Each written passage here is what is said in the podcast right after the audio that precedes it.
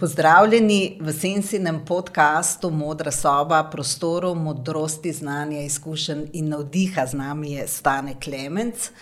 Z njim se bova pogovarjala o alpinizmu, o ekstremnih razmerah, o polarnih okoljih, o tem, kako premagovati vse te napore, imeti psihično kondicijo, fizično kondicijo. Skratka, podala se bova v svet alpinizma. Vendar naj ga najprej predstavim. Stane Klemenc je alpinist, gorski reševalec, gorski vodnik, profesionalni fotograf, kajakaški trener. S plezanjem se je začel ukvarjati pri dvajsetih letih. Stal je na najvišjih vrhovih vseh celin, razen na Everestu. Poskušal ga je osvojiti dvakrat. Leta devetinsedemdeset so ga ustavile ozebline, leta šestindevetdeset, istega dne, ko je grozljiv vihar odnesel osem življenj, kar je bilo ekranizirano v filmu Everest iz leta dva petnajst, no, takrat je z južne strani, sta goro naskakovali dve večji odpravi.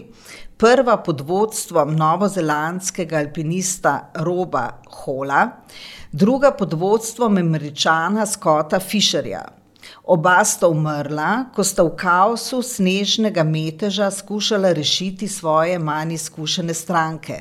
No, na ta dan tega viharja leta šestindevetdeset je Stane sestopil z Everesta zaradi ozeblin Dava Karničarja, ki je načrtoval smučanje z Everesta. Slednjemu, torej Davu Karničarju, je kot prvemu na svetu uspel podvig leta dva tisoč. Stane se posvetil osvajanju še drugih nedostopnih krajev. Grenlandijo je obiskal na šestih odpravah, prvič leta enainosemdeset, osvojil je njen najvišji vrh, prečil otok z zahodne na vzhodno obalo, bil pa je tudi v drugih polarnih pokrajinah, na severnem polu, Antarktiki, v Sibiriji. Vendar tudi v toplejših, recimo v Novi Gvineji, v puščavi, v Afriki, tudi v Južni Ameriki, skratka vsepovsod. Stane živi v Bohinju, svoje bogate izkušnje s področja alpinizma in polarnih odprav pa je z dragocenim izborom fotografij predstavil v monografijah Ledene sanje in gore.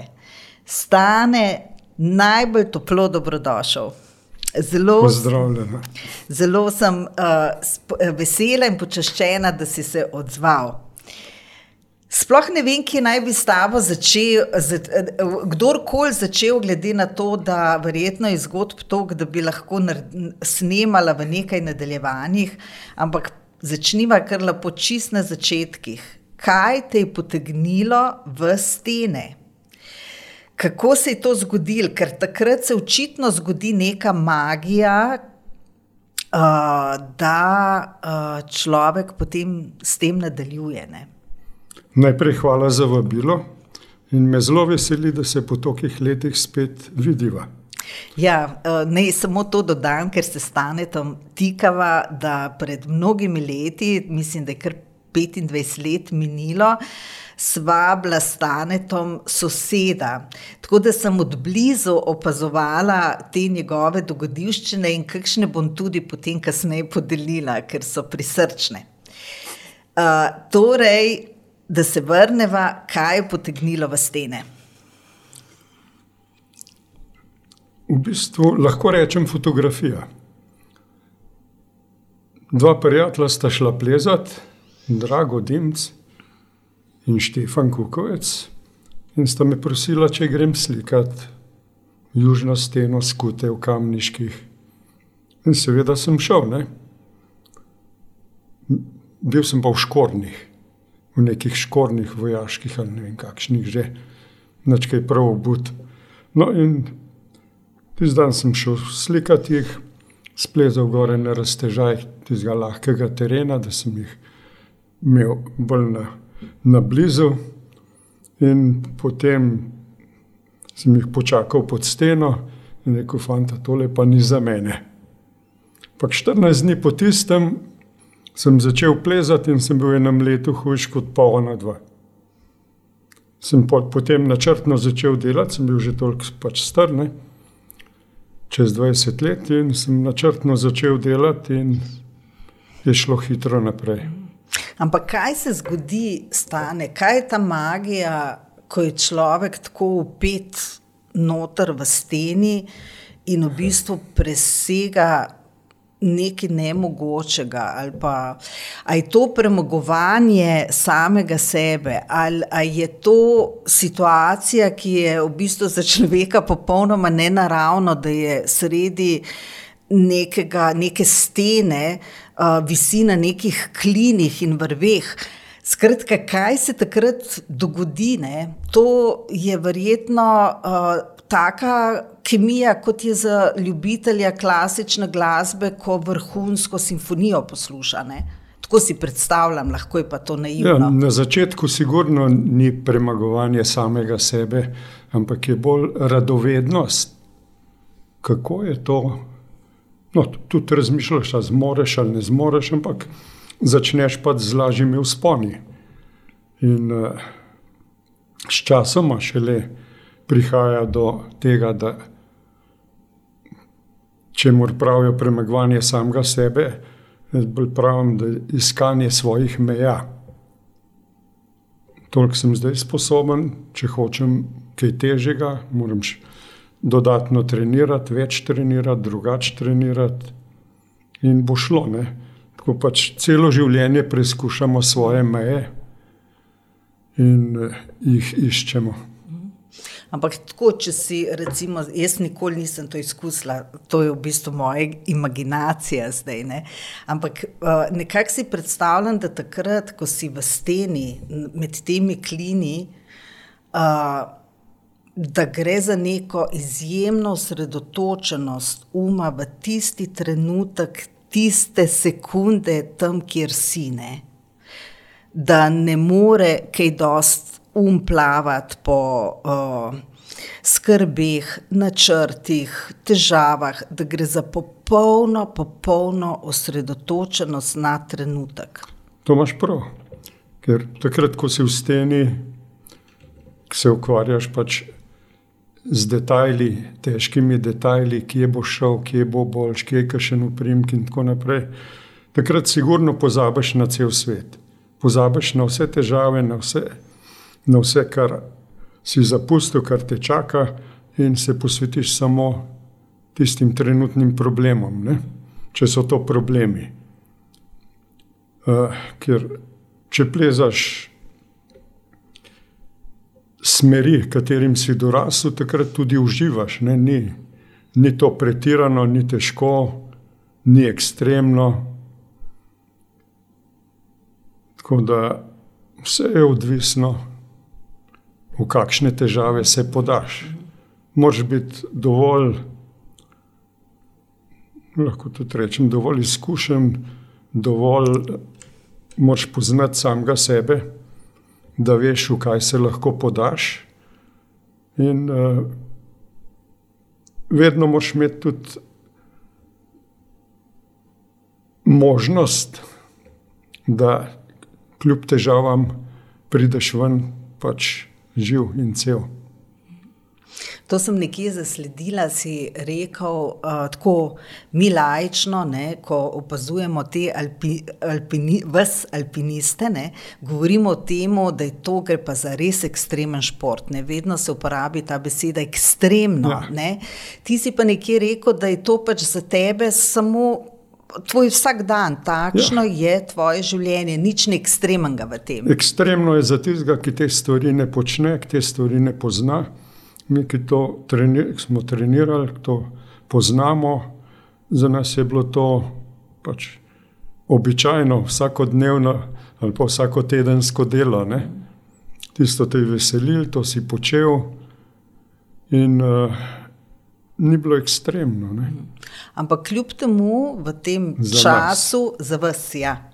V tem času, nekaj desetletij, ko ste to počeli uh, z mnogimi prijatelji, znanci, kolegi, je vseeno odšlo za en avtobus prijateljev. Ne? Se pravi, ta del je tudi nekaj, s čimer se uh, vrhunski alpinist, seveda, mora soočati ne? s tem potencialnim pač odhodom, z potencialnimi smrtmi, ki pač spremljajo podvige. Ne? Kako se s tem soočaš?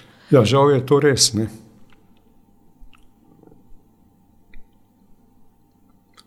Že na začetku, drugo leto se mi zdi, ko sem plezal, sem se soočil s tem, ker je tik pred, pred odhodom v Švico, se je soplezalec Štefan Kukovc po nesreču, šel je solirati, malo, verjetno je malo pretežko smer si izbral in se je pač tam ubil.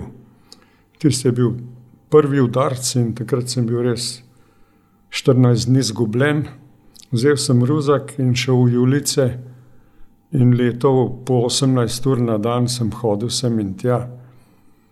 In več ali manj cele Julice takrat prehodil. Na ta način si se raztresel. Dolge ture in sem pač na ta način preboleval tisto izgubo.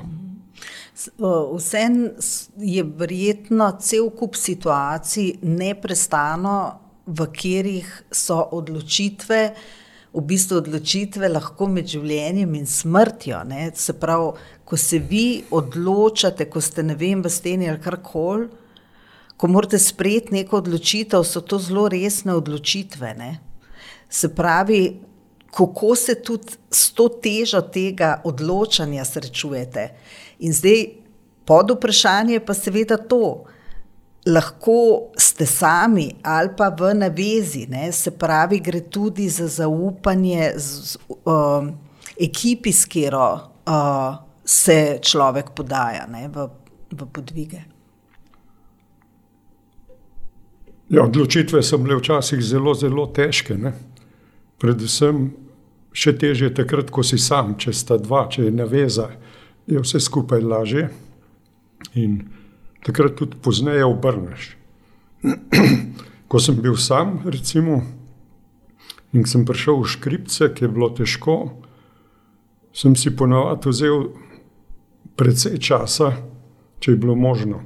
Včasih ni bilo možno, so bili taki pogoji, da si lahko samo obrnil in zbrisal nazaj v dolino.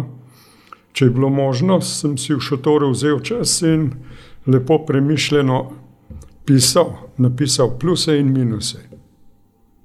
To na odpravah. Ne? In če je bil en minus več, sem obrnil, nisem več debatiral sam s sabo, ampak je bila to končna odločitev. Se včasih razmišljam, da je bilo tudi kdaj preuranjeno, ampak tako mi je pokazala matematika ne? in sem se tistega držal. Simon na Denalju enkrat, prvič, ko sem bil, sem šel sam proti vrhu in od tam je manj kot dve uri do vrha, je bil megla, mraz, tam je mogel biti okrog 40 podničlo, v enem šotoru, tam na zadnjem sedlu. No, v tistem šotoru so dva Japonca, dva dni prej odpeljali zmrznjena v kocki. In uh, tam sem si malo noge pomasiral in skušal še naprej jeti. Takrat je tudi en Slovak šel dol, rekel, da je obrnil, da ni šlo. Pa sem se en še malo rinil in rinil, pa tudi čez čas sem tudi jaz pač obrnil. In tam res ni bilo več dobro uro še do vrha. Ne. To je 6200 visok vrh. Ampak eh, ni kazal drugega. Ko te po celem telesu zebe, ko ne vidiš nikamor več, ko si sam na hribu, pač obrneš. Ne? Ti je bilo dosti strah? Ne. ne? ne. Uh, največkrat sem stvari obvladoval. Uh, strah, recimo, me je bilo, preden sem začel plezati kakšno smer. Sem imel respekt pred njo, slišal sem o njej veliko, bral, težka ocena, strma stena. Recimo, pod Špiku smo z Bojanom Polakom sedela in malcala. Je bilo tako, kot sem jedel, da bi žaganje jedel. Uf, kašna stena naj čaka. Se je bilo takrat pač ena težjih. No, in uh, potem so pa že rebala, kdo bo na vrsti, in sem bil jaz na vrsti za najtežji raztežaj. In uh, ko začneš, je pa vse v redu. Ne? Zgine strah, zgine vse. Zgine svet. Posvetiš samo tisti stvari in si vesel, da tako dobro gre da je tako fajn šlo. No, no, to je ta koncentracija, ja, ki sem jo prej videl. Moraš biti skoncentriran, nekaj. Kaj pa ta psihična kondicija stane, ne? psihična, tako čisto. Um, tudi, verjetno, ko, ko rečemo psihična kondicija, je to nekaj čist drugega, kot kar potrebujemo v vsakodnevnem življenju. Ne? Neka ne vem, stabilnost, zbranost, osredotočenost. Mislim, da je tudi zelo zahtevno, ko uh, če je alpinist v skupini z drugimi, uh, kakšni so medsebojni dogovori, zaupanje, ne? kako, kako konflikte rešujete. Recimo. No, nekoč res psiholoških priprav nismo več imeli. Ne? Vse to, to moč, to stabilnost si pridobil pač z rednim delom, se pravi za sponi. Vsak teden smo bili petek, sobota pač v stenah. In takrat si z različnimi usponi, z izkušnjami, z mnogimi težavami, ki smo jih premagali, z raznimi neplaniranimi stvarmi, ki so prišle, vremenski preobrati in tako naprej. S tistim takrat pridobivaš to psihično moč, v bistvu izkusiš neko težavo, in ko naslednjič pride, ni več težava. Takrat veš, da si podobne stvari že premagal in najdeš pot iz, tistega, iz tistih težav. Kaj pa to zaupanje med alpinisti ali pa reševanje konfliktov, vredno tudi se to ste v tesnih uh, sobivanjih, ne, več dni skupaj. Ja, moram reči, da tega ni bilo. Ni bilo veliko, vsak je pač, če mu je šel kdo na živce, pač pustene. Ali pa Eh, dal kakšno pripombo, ampak se ne spomnim, da bi se kdaj v hribih zaradi pri usponih ali to skregal. Eh, teže stvari, tako ali tako plezaš, so plezalci, s katerimi si navaden, s katerimi si uplezan. Eh, lažje stvari pa pač niso toliko problematične, da bi prišlo lahko do konfliktov. Ne? Oba pač obvladujeta to. Mm. Kaj pa fizična kondicija? A lahko eno zgodbo povem? Iz časa. Mogoče so, se jo ne spomnim več. Verjetno ne, ker je me, na meni vtis naredila ne, iz časa tega sosedovanja. Uh, bila je nedelja, tako lep, sončen dan, verjetno tako bolj majski, kot je zdaj, ne, ni bilo to poletje. Uh, ura je bila pet popovdne, ko sem prišla na vrt in videla, ker si bil zraven, ne, pač bili smo ja. zelo skupaj, videla, da po celi uh, travi uh, so neke take, neka uprema, ki meni delovala, kot skafandri. Jaz bi tisto mestno dete ne uvrstila, da to nucajo plavalci. Ne. Tako polno ene take čudne upreme, se vse tam sušilo. In pa se neko, ostane, kje pa si bil, ne tako čez vikend. Uh, pa si ti rekel, um, uh, v, v Triglavski steni se neka, a ja, tako ne, sem mislil pač čez vikend, se rekel, ne, danes, se neka kdaj. Se rekel, ja, do povda, ne. Tako, jaz sem bila osupla, ker so to dimenzije, jaz ne bi v tem času do Šmarne gore prišla pa nazaj, ne. Ti si se opremo zapeljal do Triglavske stene, splezel gor na njo, po njej do vrha, dol in že popoldne sušil celo opremo. Ne. To je bilo izjemno, no? verjetno za tebe pa popolnoma normalno. Ja, včasih smo bili hitri in je bilo to normalno. Ja. Ja, no, kako ohranjaš uh, to svojo fizično kondicijo? Um, trening, trening, trening. Velikrat sem šel popoldan, recimo na Triglo, ob dveh začel na pokluki, na vrh pa nazaj. In to je tam manj kot tri ure, dve pa pol do tri do vrha, pa še ne dve pa pol nazaj, pa je bilo. No, ne, Pa tudi na druge hribe, tam okrog Bohinja. uh, nedavno sem videla. Velik dirk je bilo. Uh, Dirk. Nedavno sem videla tudi uh, tako posnetke oziroma en pogovor, v katerem uh, si uh, za to, da si se ohranil pri kondiciji za polarne odprave, navezal tam v nekem grabnu, si imel tako ogromne črne gume, za tovornjak velike in potem si, si jo navezal na vrv, okoli pasu in šel kogams po hribu navzgor s tisto gumo, zato da uh, pač si nabiral to kondicijo, ki ti je potrebna za vleko sani v polarnih krajih. Ja, to so bili specialni treningi, ne? Ker vleka se ni nekaj drugega kot nošnja ruzaka.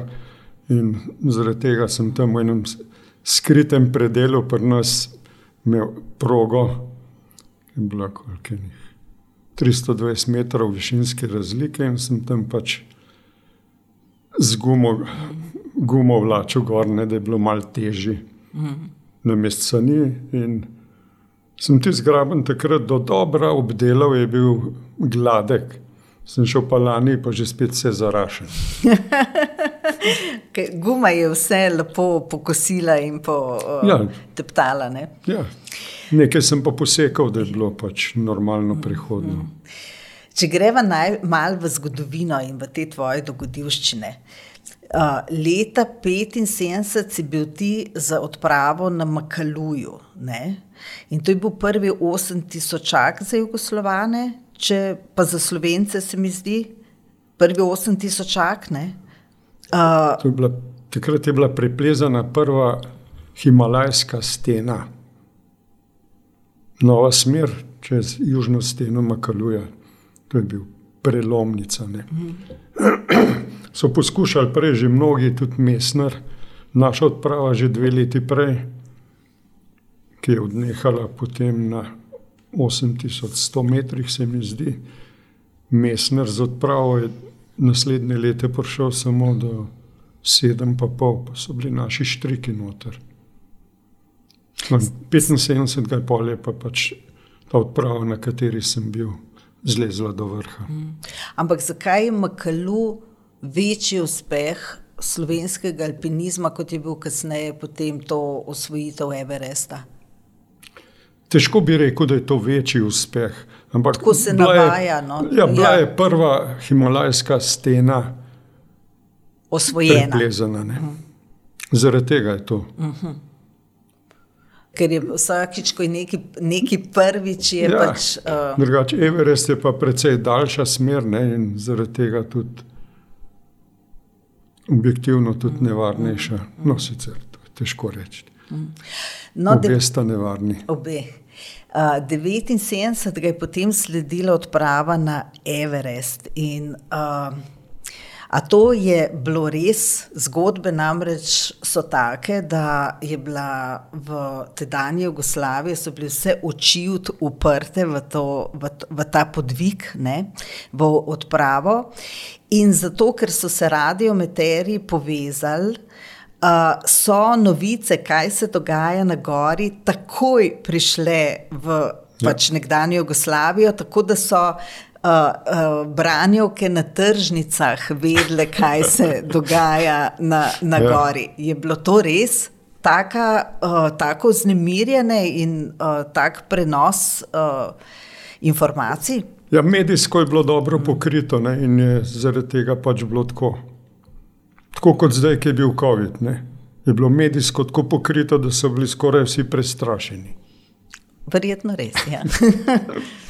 uh, no, na, te, na tej o, odpravi si dobil ozebline in zaradi ja. njih si se moral pač vrniti. Kolik, in to je pač prvi, uh, prva usvojitev Everest, Everesta. Ne? Uh, v, uh, Po tej smeri, Po tej- po zahodnem grebenu. Uh -huh. No, koliko je to grenko, ko je nekdo tik, ne, tik pred in se more vrniti. Ne vem, ni bilo grenko, takrat ni bilo. Ne? Uh, štirje smo bili gor na, v taboru, štiri na 7500 metrih.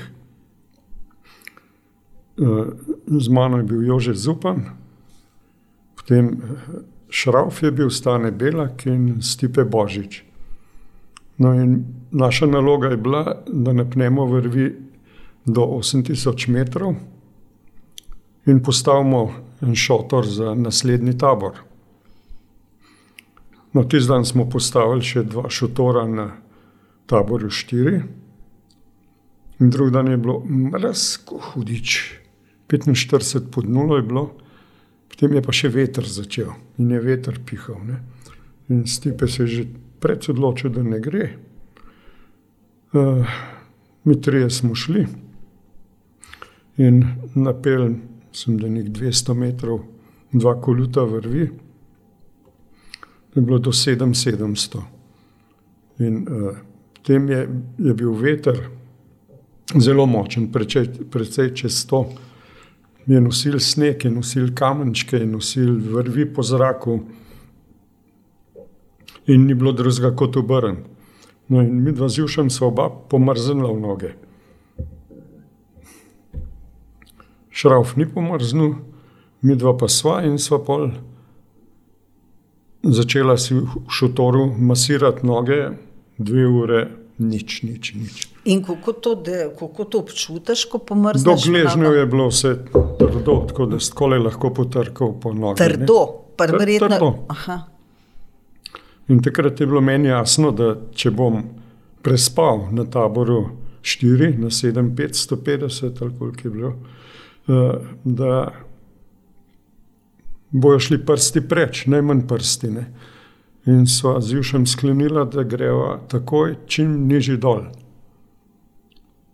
In sva šla še tisti dan do tabora 1 na 6000 metrih in s tem sva rešila svoje ozebline. Ne. Tam je začela kri bolj cirkulirati, več kisika, migala sva pač par ur. In eh, pozneje sem imel samo še špikal meje, noter v prstih močno, čez malo kože je šlo stran, drugih posledic pa ni bilo. In takrat, ko si tako pomrznen, vsaj meni je bilo težko obrniti. Za me je bila to edina stvar, ki jo lahko naredim, da rešim prstene, noge. Lahko bi šlo še kaj več stran kot prstine. In tisti veter je pol držal nas v bazi en teden.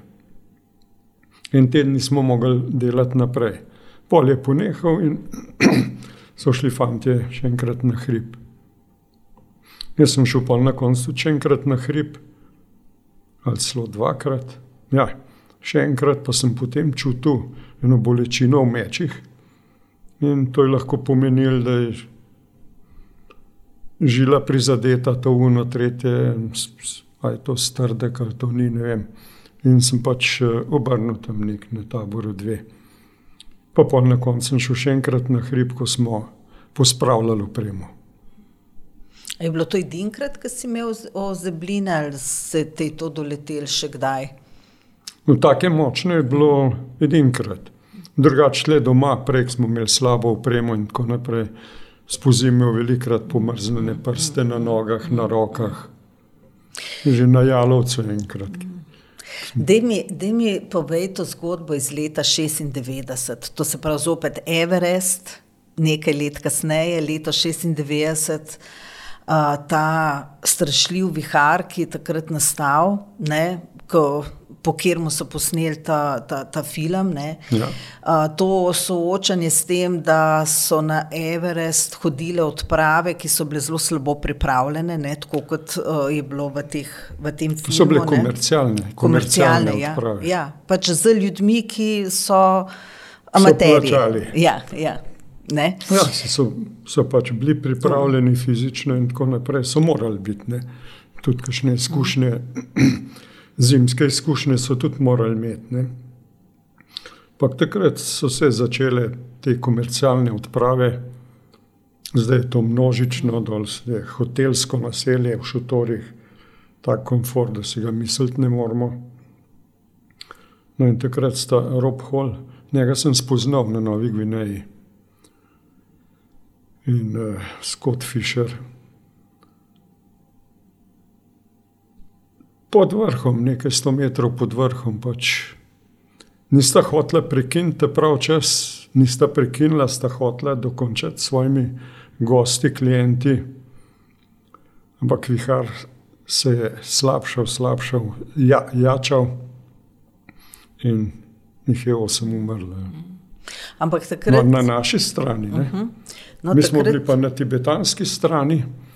Uh, takrat naša naloga je bila, da suportiramo Dava, da bo kot prvi smučal z vrha Everesta do baze. Jaz ne bi takrat snimal od tabora 1 do tabora 2, tam iz 7000 do 7500, tam nekje.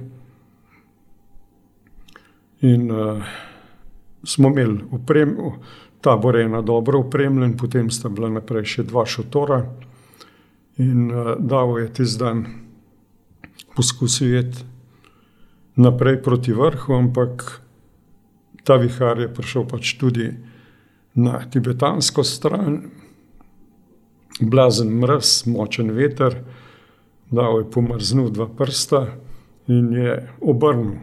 Jaz sem ga počakal na šotoru na taboru ena.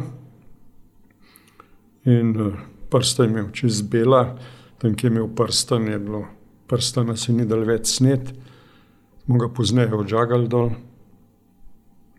No, in uh, sva videla, da ni drugega, kot da se stopa takoj v, v bazo. Baza je bila pa na 6300 metrih, tako blazno visoka baza. In tam smo bili en mesec. No, in uh, mi smo pač vsi živi, razen dveh davovih prstov, pač bili rešeni, na nepalski strani je bila pa katastrofa. Ne. In ko ste vi izvedeli, kaj se je v bistvu na gori zgodilo, samo da je bilo to na drugi strani, ne, to je verjetno kar malček tak tesnoben občutek, uh, tako kot neko novo rojstvo skoraj da ne. Uh, kako ste to sprejeli, uh, pač vse te novice, glede na to, da ste bili sami v gori, samo na drugi strani? Ne? Se ne spomnim več, kdaj smo to zvedeli, pa verjetno smo že v baznem taboru zvedeli. Uh, jasno, da, da ni prijetno to slišati, zadovoljen si, da si pač odnesel celo kožo. Žal ti je za vse tiste, ki niso imeli te sreče, pred, še posebej, če si kakšen od teh poznal. In uh, po tistem smo pač uh, zapustili bazni tabor in šli proti domu. No, uh, si praznoval novo rojstvo? ne, ne. ne, nisem to tako imel. Ni, nisi. Ne, ne. Uh uh, tist, tist bolj, pač, če kdaj preživiš kakšen padec ali pa zdrs, pa se ustaviš in tako naprej, takrat bolj praznuješ -huh. ponovno rojstvo. Uh, no, pred nekaj dnevi sem zasledila novico, da je uh, v začetku maja nepalski šerpa Kami, uh, se imam tukaj le zapisano, sem pozabila, kako mu je ime, Kamirita, Kamirita, ja. Kamirita uh, da je usvojil 26. Everest. Ja. Kakšni so te, te nepalski šerpe? A, o, enostavno, ali je njihova konstitucija oziroma o, drugačna, oziroma so prilagojeni na te višine, ali je to o, nič tazga za njih, ali 26 krat, ne, to je velik. Ja, to je njegova služba. Ne. In oni imajo telo prilagojeno. Ne. Oni se rodijo na 5000 metrih nekateri na 4000, zelo različno. No. In so bolj prilagojeni na višino. Če greš z 5000 metrov na 8000 metrov, je to 3000 metrov razlike. Ne. Če gremo mi, jih je 7500, recimo.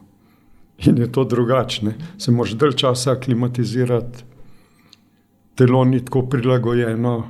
Je pa tudi pri nas zelo različno. Ne? Nekateri rabijo 14 dni za aklimatizacijo ali pa en teden, nekateri rabimo tri tedne. Ne?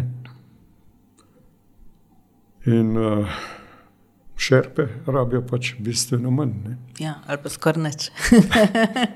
ja, pridejo v bazo čist normalno, ker baze so mečkaj višji kot njegov dom, prej so pa soljake na tej višini ali pa še višji. In lahko takoj začnejo delati na hribu. Mo, moje najvišje. In uh, tudi, uh, recimo, oni postavljajo na Everest tudi uh, hitrostne rekorde. Ne? Kagam si. Predvsem manj kot en dan. Ne? Ne vem, lahko da je že 15 ur zdaj le, ne bom rekel, ampak predvsem manj kot en dan. Z opremo, takšno kot jo imajo zahodnjaki, ali z zelo ja, ja. z takšno opremo? Oni so zdaj, eh, imajo šolo, ki je postavil Aleško Navr. In naši alpinisti so tam poučevali veliko rodov, šerp, nepalskih alpinistov. In ta šola še vedno obstaja in so šolani alpinisti, ni več tako kot nekoč. Opremo imajo pač enako kot mi, najmodernejšo in tako naprej. In zdaj nore stvari počnejo. Ne? Vse 8000 čake prepleza nepalska odprava v enem letu ali pa dveh. Ne? ne traja to več po 20 let, da kdo spleza vseh 14-8 tisočakov. Ne? In so izredno fizično pripravljeni, dobro aklimatizirani in grejo pač tako kot, kot mi na Mont Blanc ali kaj podobnega, ali pa na Grozlokner, grejo oni na 8 tisočake. Kje je bila najvišja višina, na kateri si stal? Ja, na Everestu takrat so pomrznili 7700. No, no, moja najvišja višina je bila 5600, to je bil en prelaz v Himalaji. In um, je bilo to res, res izjemno čudaško doživetje. No, tako, pač jaz sem bila tam na potovanju, ne, ne, ne tako, kot vi, ki plezate. Uh, Uh, ampak že na trekingu. Ja, ja, šla sem v dolino spiti, tako pač uh, nisem bila na trekingu.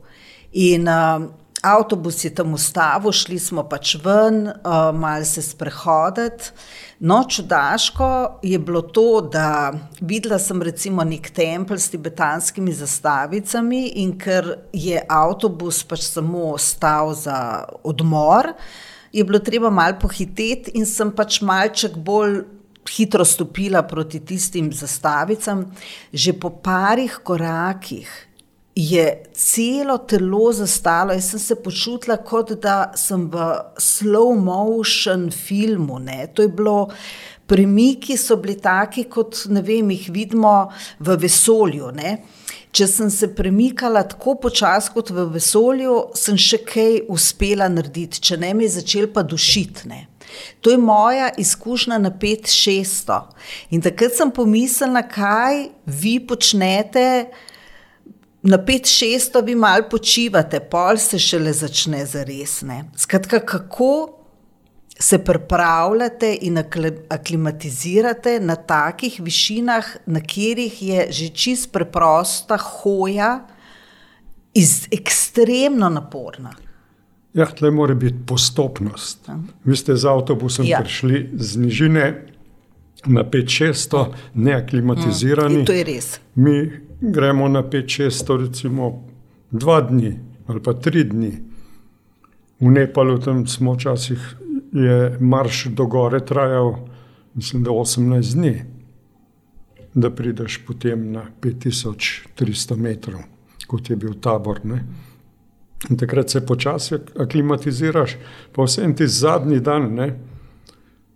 nad 5000 metrov, močno čutiš višino tudi takrat, ne? pa je težko začeti tam delati ki je treba ogromno enega kamna preložiti, da ploščadi naredi za šotore, zidove in tako naprej, da se vse postavi baza in tako to traja par dni.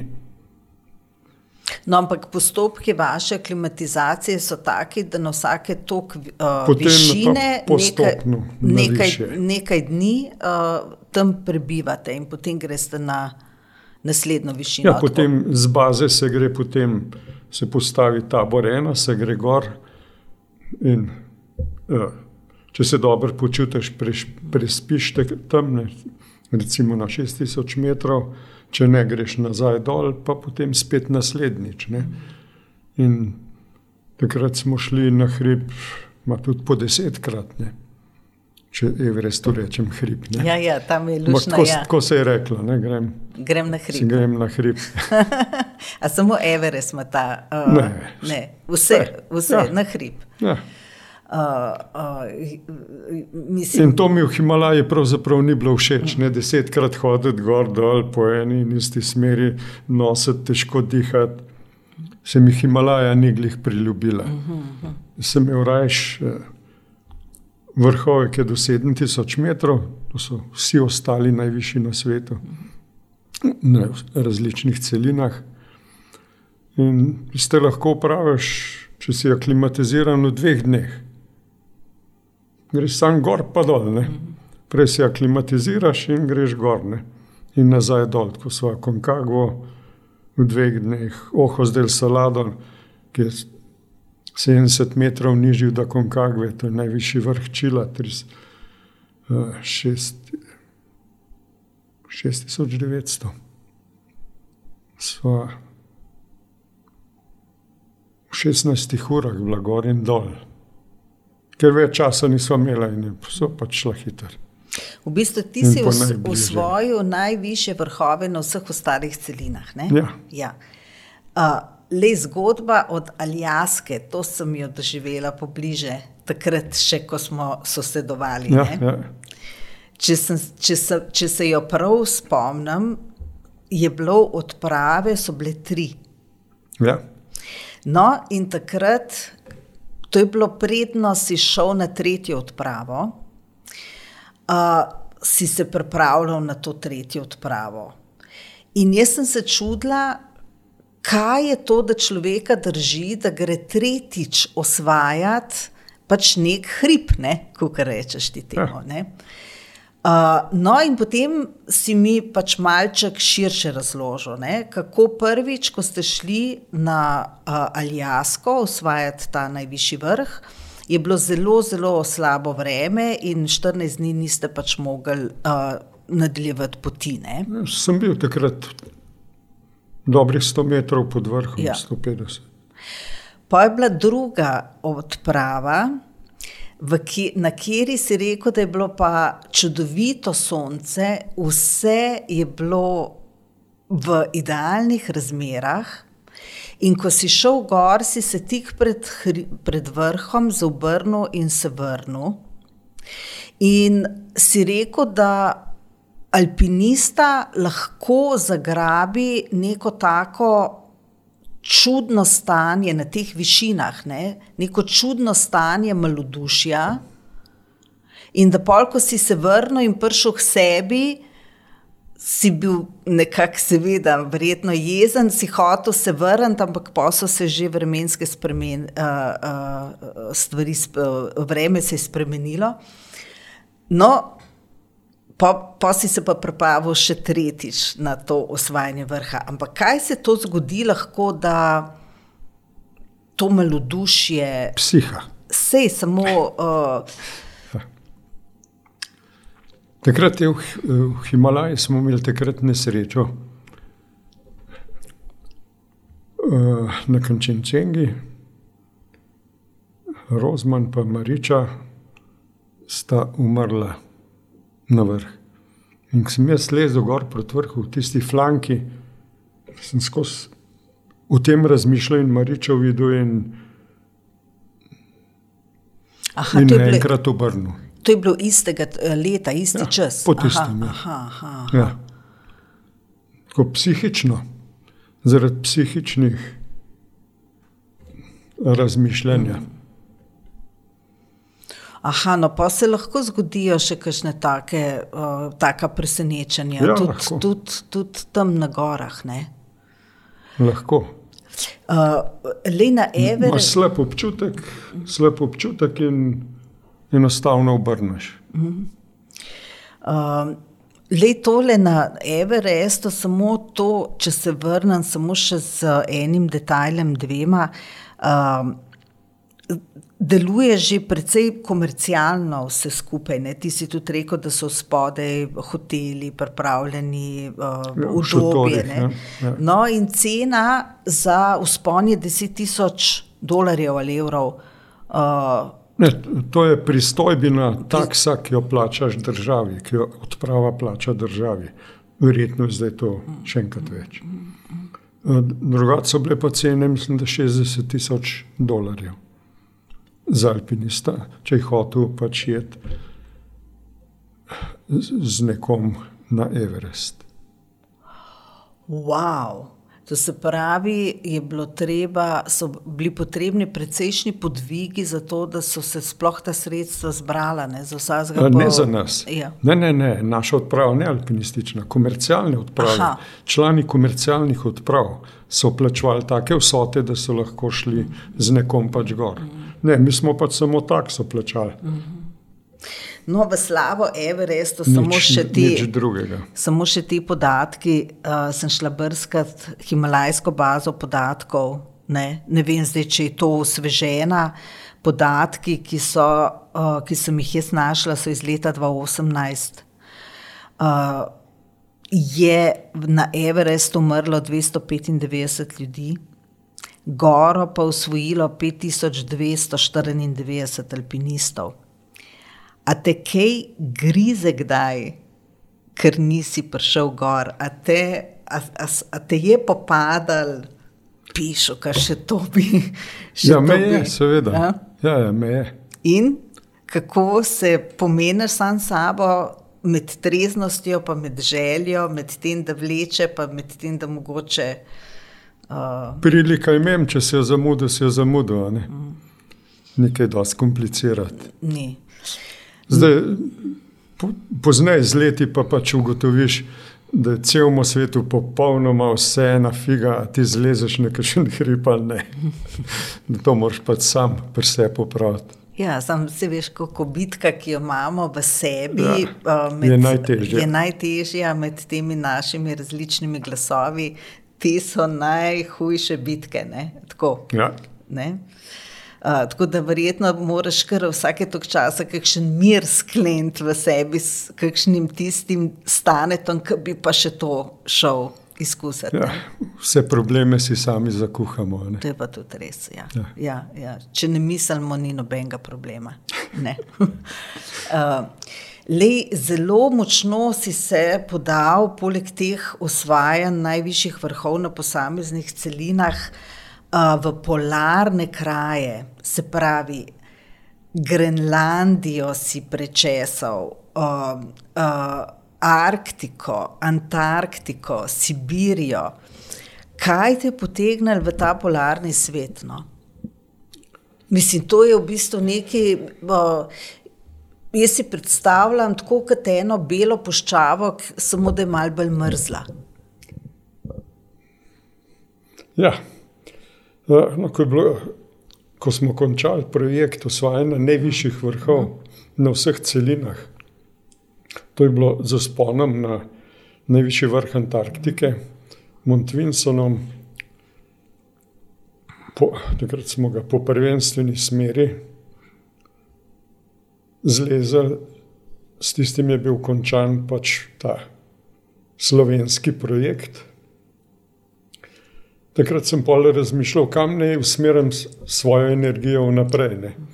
In ko sem vzel pač atlas v roke, sem videl, da polarnih krajev pa nismo še kaj dosti povohali, da jih ne poznamo. Bilo je nekaj odprav na Grenland, en argentinski slovenc je bil tudi na Antarktiki, pol recimo Helo kontinentale med Argentino in Čilom. Tam je tudi argentinski slovenc bil skvarča na nekih vrhovih. Eh, Drugih usponov v polarnih krajih pa ni bilo. In sem potem začel delovati, raziskovati te zadeve, in sem 98. najdel varianto, da sem šel na severni tečaj in sicer francozi. So francosko-norveška zadeva je bila to, so organizirali za preizkus, če je možno, potem komercialno tudi izvajati uh, pristop na severni tečaj z baze, ki je postavljena tam okrog 100 km stran, se pravi zadnja stopinja do tečaja. In uh, smo šli pač to preverjati in ugotovili, da se to da. Za me je bilo takrat novo, imel sem srečo, so bili tam izkušeni polarni mački, tudi Borge Osland, ta Norvežan, ki je naredil prečenja vsega mogočega na tem svetu polarnih krajev. In uh, še dva francoska, Kristjan Mrljave in uh, François. François Chamonix. In uh, od njih sem se takrat v tistem tednu naučil toliko, kot bi se sam učil več let. Tako da je bilo izredno fajn, nisem imel nobenih problemov, z Borgem so večino časa hodila spredaj in vlekla tudi po 12 ur, pa so bili drugi zadaj, niso mogli reči: Ustavimo se. In smo bili v petih dneh, tistih 100 km.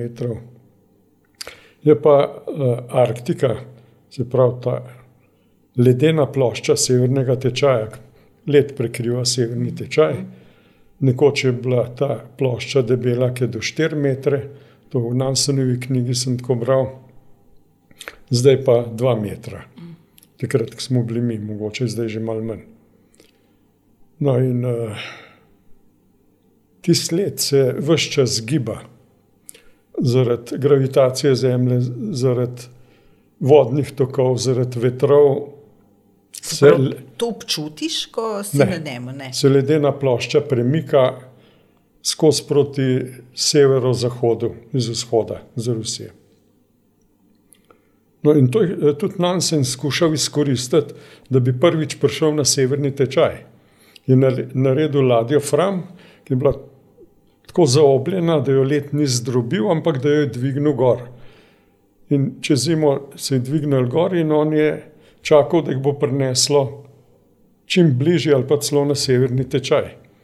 Ker eh, to so vedeli, da se to dogaja, ker ena ladja je bila Enterprise, ki je zdrobil nekje pri Sibiriji, so potem eskimi in ujiti na Grenlandiji najdel te ostanke. In je bilo pač ljudem jasno, tistim, ki so se s tem ukvarjali, da se let tako giba in da je možno tako, to izkoristiti. Ampak je šlo preveč južno od severnega tečaja, takrat na Ansenu, in uh, je videl, da ne bo šlo, in je sklenil, da bo s tremi probal priti sanmi do severnega tečaja, in so pač šli na pot In so bili tam tudi juni, juli, več mesecev. In tam sem prebral, da je tudi junija, pa julija, tudi dež padal na severnem tečaju. Tako da tudi takrat ni bil toliko bolj mraz, kot je zdaj. Ne?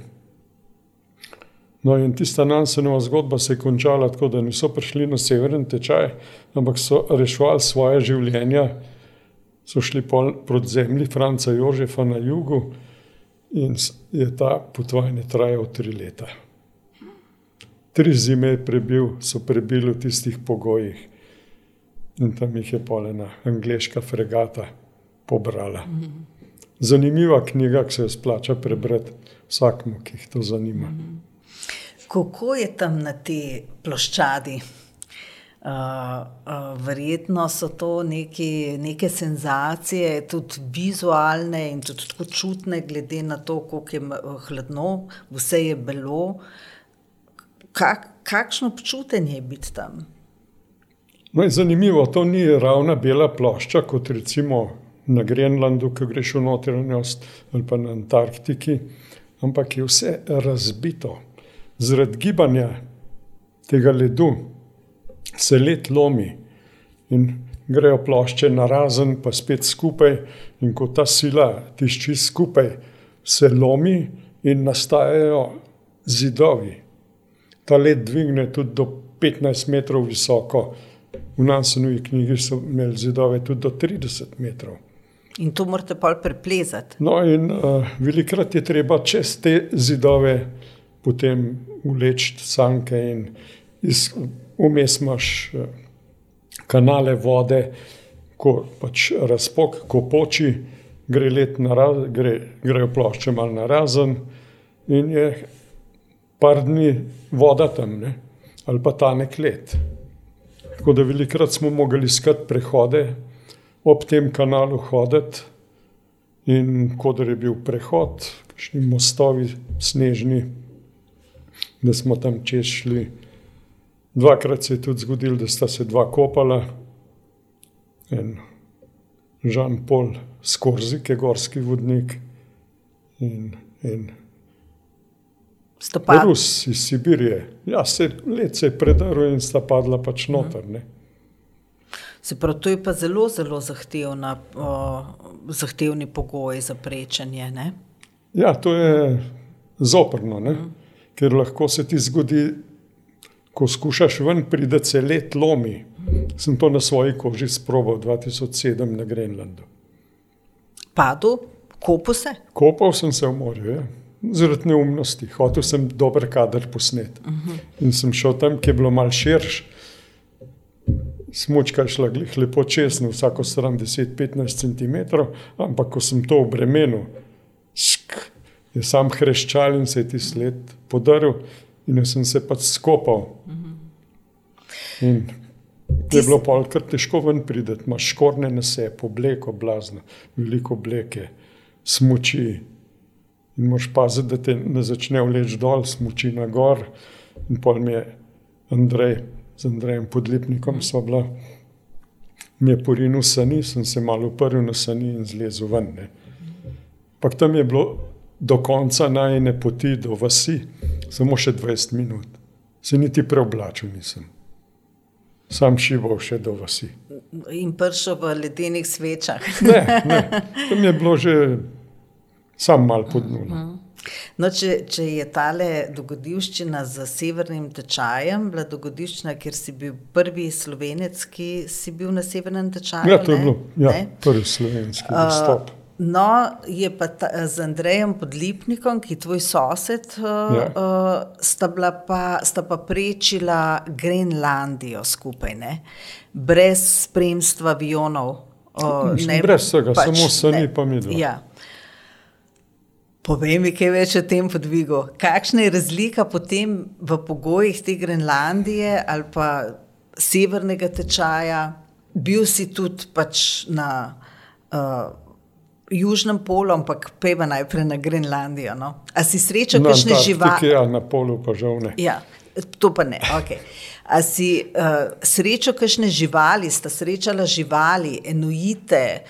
Uh, uh, a je tam sploh karkoli, kar bi se uvrstil med rastlinje. Um, nič, nič, nič, nič, nič od tega. Nič, nič od ničesar. Nič. No, uh, leta 2003 smo z Bogdanom Kladnikom šla delati prečenje. In takrat smo imeli blazno smolo, da je bilo 15 dneh, ker smo uh, delali na tem, da kar sva hodila, je bilo devet dni slabega vremena. Vihari taki, da smo mogli biti lepo v šotoru. Tam sem doživel tudi najmočnejši vihar, veter 207, izmerjeno 207 km na uro. Tisna je dobil po, mislim, da četrti dan peti. Pa kako to preživiš, glede na to, da je tako mrzlo? No, in uh, takrat, če nisem imel dosti izkušenj, nisem videl, da prihaja tako močen, močen, močen vihar. Je šla ena črna stena proti nam, ampak bo pa šlo mimo, koliko je prišlo, pa ni šlo mem. In takrat so se borila za, v bistvu za obstoj. V takem pač moraš postaviti šotor ali pa skopati tako globoko luknjo. In nekaj časa smo pač ustrajala, čakala, Bogdan se je vlegel zraven sanko zavetje in v 15 minutah ga je pokril. Ga je sneg pokril, sem ga sem, a še v redu. Pol po parih urah so videla, da ne bo drugače, neko moramo postaviti šotor. Najprej sva se ni postavila, začela zraven zid postavljati, in pol je bilo za zidom malo zavetja. In je rekel, Bog, da tole pa fajn, te pa lahko zdaj spalne vreče, pa tle počakava. Rekel, ne, ne, moramo kar šotor postaviti. V spalni vreči se bo sneg topil s tvojo temperaturo in do jutra od podhladitev grevane. No in sva potem kopala luknjo, se je dal skopa če ne 30-40 cm do tistega trdega ledu in pol so v tisti luknji na kolenih postavljala šotor 4 ure. Samo eno palčko nama je zlomil, odnesel nič, pravi čudež in so postavila šotor, se vrgla noter, bila sva popolnoma zadelana od snega, veter, tako močen veter. Obstajajo slike, no, so na netu tudi, ki je čist Bogdan, čist zamaskiran, čist zabit snegom, samo očala se je ven videl, ki se ni parijel. To je bila nora izkušnja, ki mi je pa pač koristila tudi naslednjih obiskih Grenlandije. Ne. No in takrat smo pa po 15 dneh obrnili, ker so pojedla že vso rezervo hrane, ki je bilo devet slabih dni, in ne bi s tisto hrano prišla do konca. So rekla, pol, brez veze gremo nazaj. Ne? Pa zavarovanje moraš drago plačati, pa bo izkoristila avion. In sva res se potem vrnila. No, 2007 sva pa z Andrejem Podlipnikom se lotila zadeve in sva imela več sreče z vremenom, rezerve tudi za več dni, gorivo je bilo za cel mesec, še za tri tedne več. Pak smo pa toliko več ulekla, ne? vsak na štartu 101 kg. Goriva za kaj stane? Goriva za benzinske kuhalnike. Aha. Aha, tudi to sabo. Ja, moraš imeti, ker topiš sneg, ja. ni vode. Ja. No, in tam v obalnem pasu so ledeniki, v življenje in živalski, in ljudje so samo v obalnem pasu, kot je morje, kot so možnosti preživetja, v notranjosti ni nič. Sem pa, ki vidiš, kakšne ptiče, ki preletijo, ta veliki ptiči pridejo čez, ta mali popadajo dol. To videla okrog šotora, so kakšni vrabci iskali zavetje, so bili zjutraj v kocki, zmrznjeni. Tako da nikjer ni nič, tudi medvedje ne hodijo v notranjost, tako da to prečenje lahko delaš brez puške. No, in tam sva, na začetku je bilo zelo težko, tam je nekaj 60 km pas ledenika in tam moraš najti pač pot, pot, najlažjo pot, naj, mož, možno, edino možno pot, ki je, da vlečeš toliko težke sani tam skozi. No, in tam smo imeli slabo vreme, vsak dan zapadl kar nekaj snega, tako da si po tistem še težko vlečeš, ker v notranjosti potem sneg spihan, je trdo, kot je led, je sploh v redu, tam enostavno hodiš, sani lepo drsijo.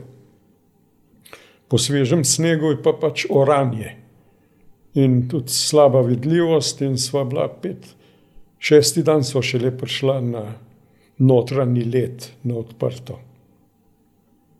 In tam naprej pa potem krenil, sva pa delala potem po 25 km na dan, na tem ledeniku se nam je zgodilo, da sva celem dnevu samo en kilometer v pravo smer šla, ker je bilo treba bolj na zahod hoditi, in najna smer je bila pa vzhod. Tako da smo počasi napredovali tiste prve dni, da sem imel slab občutek, da boš še enkrat obračal, ali bo še enkrat hrane zmanjkalo, ali boš tri tedne v tem ledeniku, ali kako bo.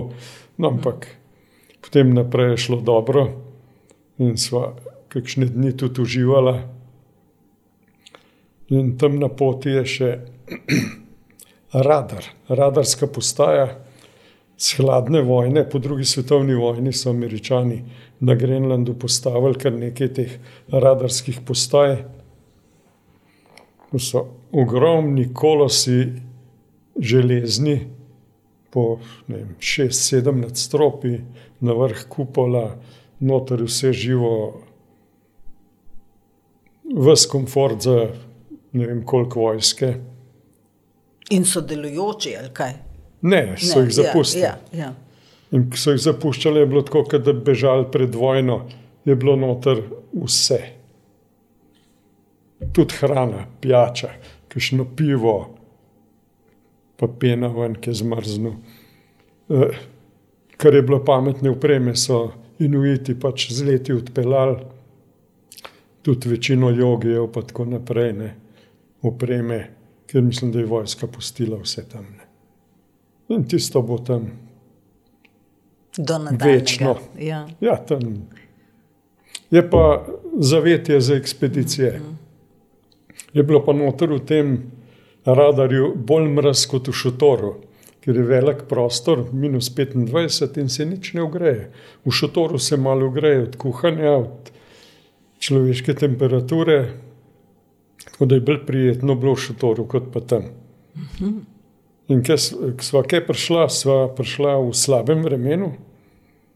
Sva tisti dan, en dan prej je bil vihar popoldan, in drug dan je mal ponehal, in so šla naprej. In šest ur so sam hodila, tisti dan dosegla radar, vidljivosti ni bilo skoraj nobene. In drug dan je bilo lepo vreme, in gledam tam skozi tisto okno, pa vidim, kakšen kilometr, dva stran, šotor kanadski polarni šotor, tako velik, zraven vidim ratrak, motorne so ni. In sva pač šla do tja. In eh, tam sta bila dva fanta pa punca, ki sta vzdržvala tisto bazo in pisto z ratrakom rihtala za trening ameriške vojske pristajanja v ledu. je zelo zanimiva služba. No? no, in tam smo sva šla na toplo, dobila čaj, piškote in uh, bilo hecno. Sta se unija dva začela počasi odmikati, verjetno, ko smo se segrela, so začela smrdeti na mrazu, ni odnaj in ben več vohal. Je pa že trajalo že ne, 15 dni, te do radarja mogoče kakšnega več. No, in uh, so bila par ur tam, in potem naprej, ker je bilo treba pač tudi ti zdaj narediti 25 km. Je pa pot taka, da iz, z morske obale se začetka večkrat z avtom peleš do snega, do ledu, uh, in potem se ta plato dviguje na 2550 metrov, ne? to ni ravna plošča iz zahoda na vzhod pa se uspneš, tako kot do vrh Grintovca, zelo blane, pa na drugo stran spet dol do obale. Tako da skozi vlečeš v hrib. Ne. Se pravi, da je to tudi. Uh, 350 km v hrib. Tudi fizično, tudi v normalnih pogojih, zelo zahtevno. Ne? Ja, vsak ja. dan delaš ja. 15 ur, ja. od tega dve uri zjutraj pa zvečer, pod uro pa pol do dve, postavljaš, pa pospravljaš šotor, kuhaš, topiš vodo, tudi za čez dan, in eh, potem pa 10, 10, 12 ur pač hodiš. Vsake dve ure se ustaviš, 10, 15, 20 minut pauze, poješ in spet dve uri hodiš. So se menjala v vodstvu, Vsak je gledal na uro in na kompas, pa vsake dve ure tudi na GPS, da so korigirala smer. In vem, da točno na sekunde si se ustavil po dveh urah, ko si čakal, da bo spet pauza. Sem to zelo kontemplativno početje, tako pač biti nekje na, na, neki, na nekem prostranstvu. In, uh, Skozi eno in isto početi. Ne? ne, ne eno in isto. Enostavno, tako no, kot sem si predstavljala na začetku, da je alpinist, ki je v steni, nekako pozornost. Je popolnoma osredotočena, ne, nekako uh, zato kontemplativno. Verjetno takrat uh, se ne misli o tem, ne vem, kakšno novo pohištvo bi pa pasalo v dnevno sobo, pač, ali karkoli že, pač, ali pa da bi kakšen mogoče čas bil, da se avto zamenja. Ne. Tako pač zginejo te tegobe vsak dan, uh, ali pa te naše želje vsak dan. Se ni nujno, da so tegobe, se tudi želje nam povzročijo. Mnogo stisk, ne? zato ker tako krepenimo po nečemu, pa si prizadevamo. Ne? Tam se mi zdi, da vse to zgine. Ja, večino tega, ne? čeprav tle na polarni pravi, takrat hodiš dve ure, samo kompas gledaš na uro vsake tok časa. Uh, tam imaš več časa za razmišljati, nisi tako skoncentriran, ker ni nevarnosti. Sem in tja so kakšne ledeniške razpoke, drugače pa ni nevarnosti ne, in lahko razmisliš, lahko bluziš na vse načine. Ne. No, ti si bil v, na Grenlandiji šestkrat, ne šest odprav je bilo, če, če, če prav vem, skratka, velikrat. Ja, šest, ja. Ja. No, in na prvi leta 81 ste se zataknili z ekipo, ker niso prišli po vas, ne? Uh, da ste obtičali brez hrane in živeli na čokolinih in na juhah, sedemnajst žlic, ne? ali čokolina ali. Stradali smo, ja. Uh, da se je preživel. To je tudi verjetno uh, pač neka, kako bi rekla, zelo ekstremna izkušnja, ker takrat v tistem trenutku pa človek res ne ve, ali se bo srečno išlo ali ne. ne? Ja, temu lahko rečeš ekstremna izkušnja, ja. v enem pa zelo koristna izkušnja za mene. Na leta 81 sem organiziral in vodil svojo prvo samostojno odpravo, ki je bila domžalsko-mengeška, trzinska odprava.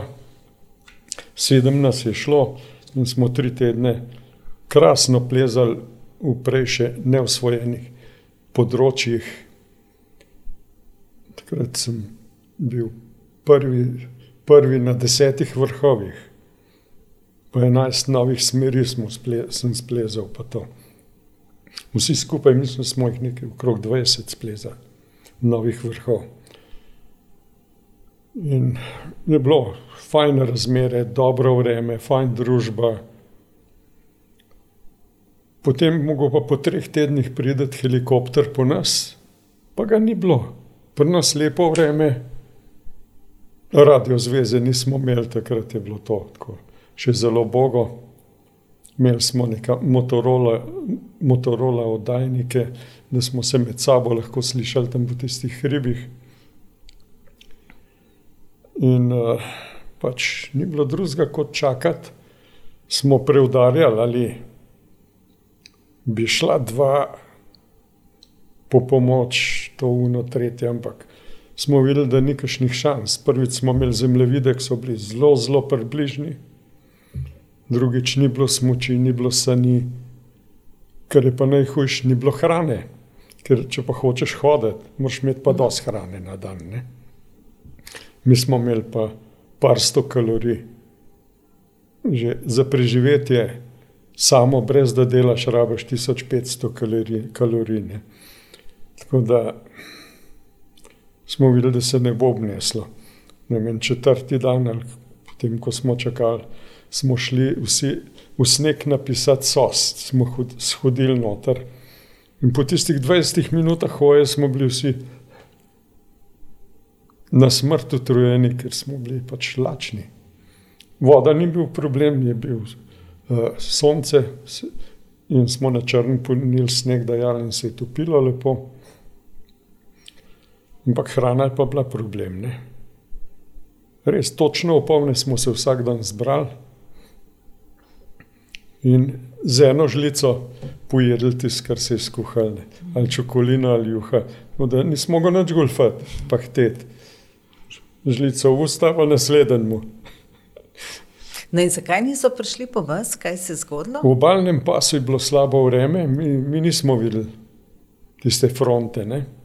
In so poskušali enkrat priti, ker je en od naših francij, Vrankar, je najbolj slišal, je enkrat rekel, da sliši helikopter.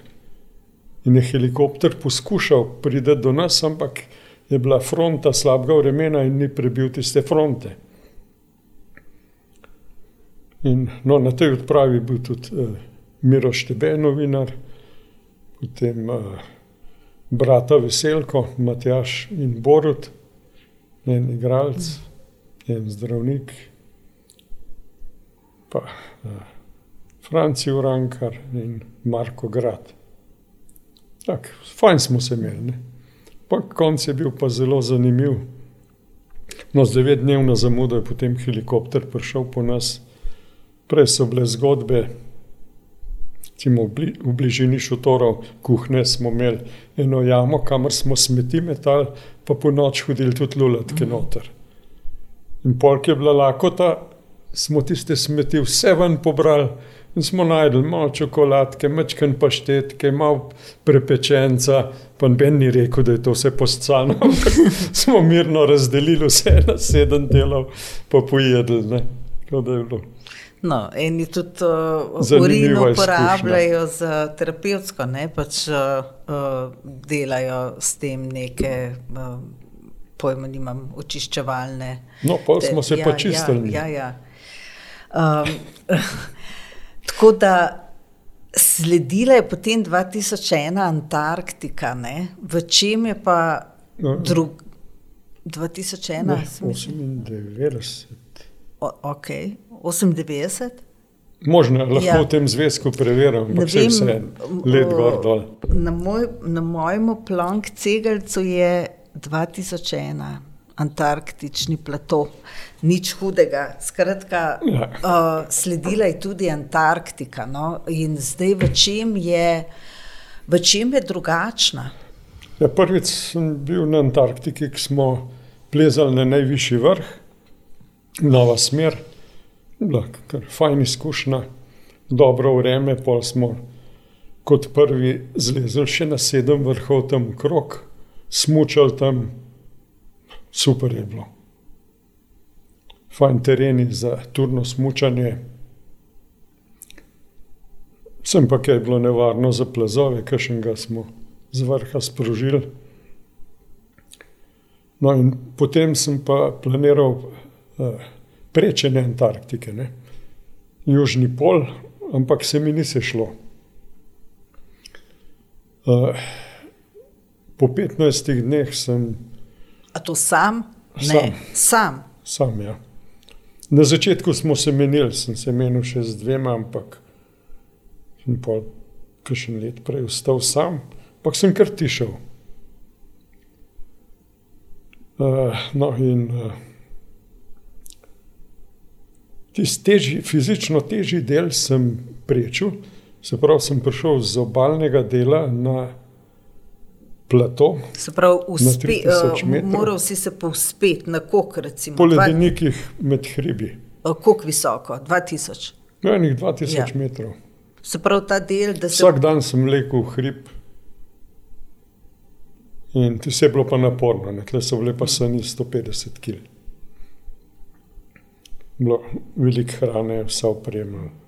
Je bilo kar noro. Vmes sem imel en vihar, enkrat sem probal s padalom, no in takrat uh, bil neki neroden, me je padalo odneslo in sem pol tekel za nemo in spol sem ga ujel, se je nek zataknil, ampak sem pa spotoma en GPS zgubil. Sred sem imel še enega rezervnega, še enega drugega, tistega, ki sem ga imel za ne samo za navigacijo, ampak tudi za kontakte.